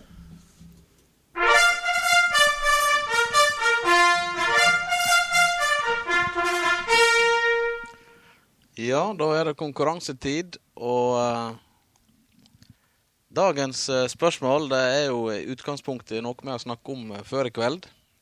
Ja, sendinga den går jo mot slutten, så da har vi vært gjennom litt av hvert denne sendinga òg. Ja. Og du som er spørsmålmester, har du bedt deg merke i noe? Ja, vi hadde jo besøk av Ådne Grete Njøten her for litt siden. Og da er dagens spørsmål Og Ådne Grete hun har spilt i et annet nordisk land. Det snakker vi om i kveld. Ja. Hva slags land har hun spilt i utenfor Norge? Mm. Skal vi gi fire alternativ, eller? Nei, Da da, da, med- da, da blir det for lett. Da blir det Da for blir lett. det for lett. Ja. Send inn svaret ditt på Messenger til Sport on Spas, så er du med i trekninga av en flott premie. Og Da er det viktig å presisere at dere som måtte høre på sendinga i opptak, podkasten vår, så er det velkomne til å være med på konkurransen, for eh, den kårer ikke vi før neste sendingen om 14 dager. Spas er helt konge. Ja, han eh, Jens Isehaug på Old Trafford, han er nok um, såpass uh, skuffa og lei seg pga. at United ligger under 1-0 at han nekter å ta telefonen. Og det, det får vi bare akseptere, Thomas. Det aksepterer vi, for da kommer vi og snakker med gjestene våre litt mer. Det blir jo kjekt, det òg, da. Det kan vi gjøre. Og han eh, Emil, vi snakker om favorittklubber. Emil er jo Arsenal-fan, og vi hadde jo han Runar Valaker på besøk. Eh, og han nevnte jo noen Arsenal-supportere i Stryn. Og så glemte han å nevne selveste Emil Allesø. Tanker rundt det, Emil? Ja, han eh, nevnte at vi var ganske få, og det er vi jo òg. Så når han da klarer å utelate en av de få, så kjente jeg det. Du kjente litt på det, ja? Jeg kjente på det. ja. Hvordan er ditt forhold til Arsenal? Er det djupt og inderlig? Ja Altså, først og fremst så er jeg jo Stryn-supporter. Og så eh, ser jeg nå alle kampene med, til Arsenal på, på TV. Um, Det var jo en lei smell nå uh, i helga, da. ja, den fikk ikke jeg med meg, da. Det fikk jo jeg selvfølgelig oppdatert uh, ett minutt etter at vi var kommet inn i garderoben mot Førde, så Så det var ikke så kjekt å være Arsenal-supporter da. Det var fort ned igjen på jorda, eller Ja, det var vel den der Adams uh, Hvor lenge var de i paradiset? Ja. Ja. Så lenge var det. Det var ikke sju timer på deg, altså. Nei, ikke sju år heller. Sju sekunder. Det sekunder. Men du Geir Inge, du er jo en soren Liverpool-supporter. Deg. Du har jo vært borte på Anfield en rekke ganger. Ja, det, vi har, eh, det er en gang i året som regel. Eh, Nå har jeg ikke vært på to år, så det er vel snart på tide igjen. Men det er litt vanskelig å finne, få tid til det nå. Nå er det kamp hver helg, så da eh, blir kanskje en tur til hø- høsten, oktober. Det er det som er planen. Jeg vet jo at du var jo borte og fikk med deg Liverpool slå United. Var det 3-0? Det var det.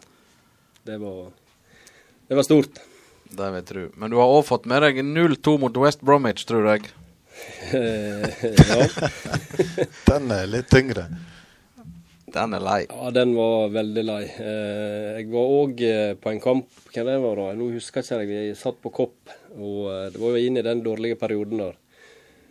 Og eh, da fikk jeg snakka med en lokal en som satt ved sida av. Han sa det at eh, han hadde vært der i 43 år, aldri vært så dødt på Dekopp. Og det var det første gangen jeg var på Dekopp, så det var jo ikke noe særlig, det.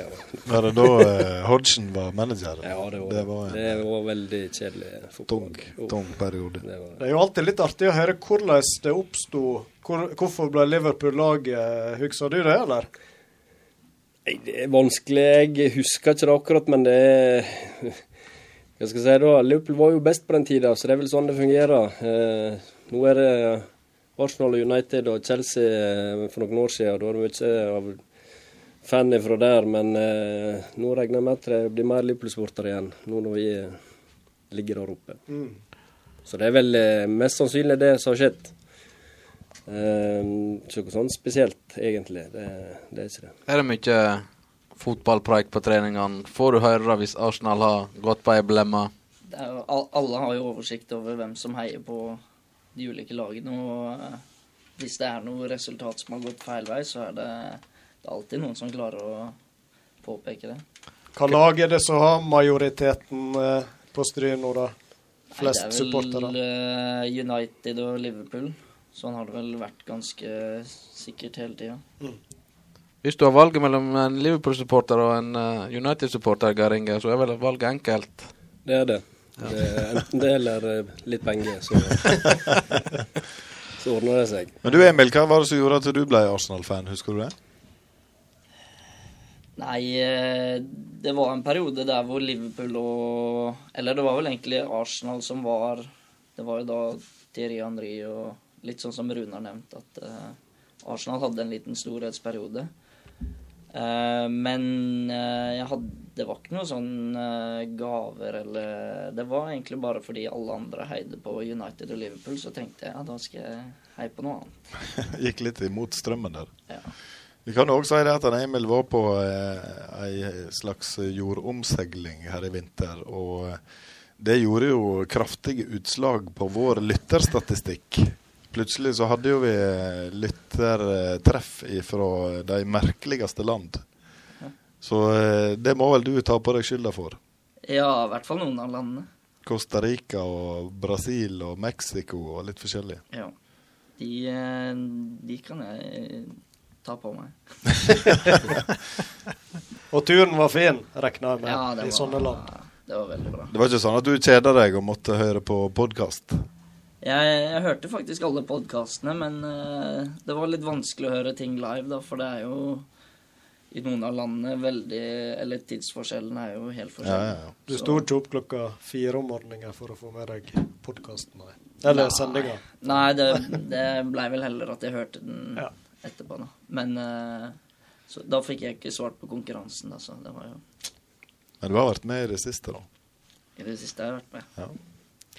Men nå som gjester så skal dere uansett eh, få T-skjorte, vår eksklusive T-skjorte. Og vi er kommet dit hen, jeg ser på klokka, at eh, vi må prøve å holde oss inne for disse to timene våre iallfall. Og hatt et veldig kjekt selskap her i eh, studio i dag.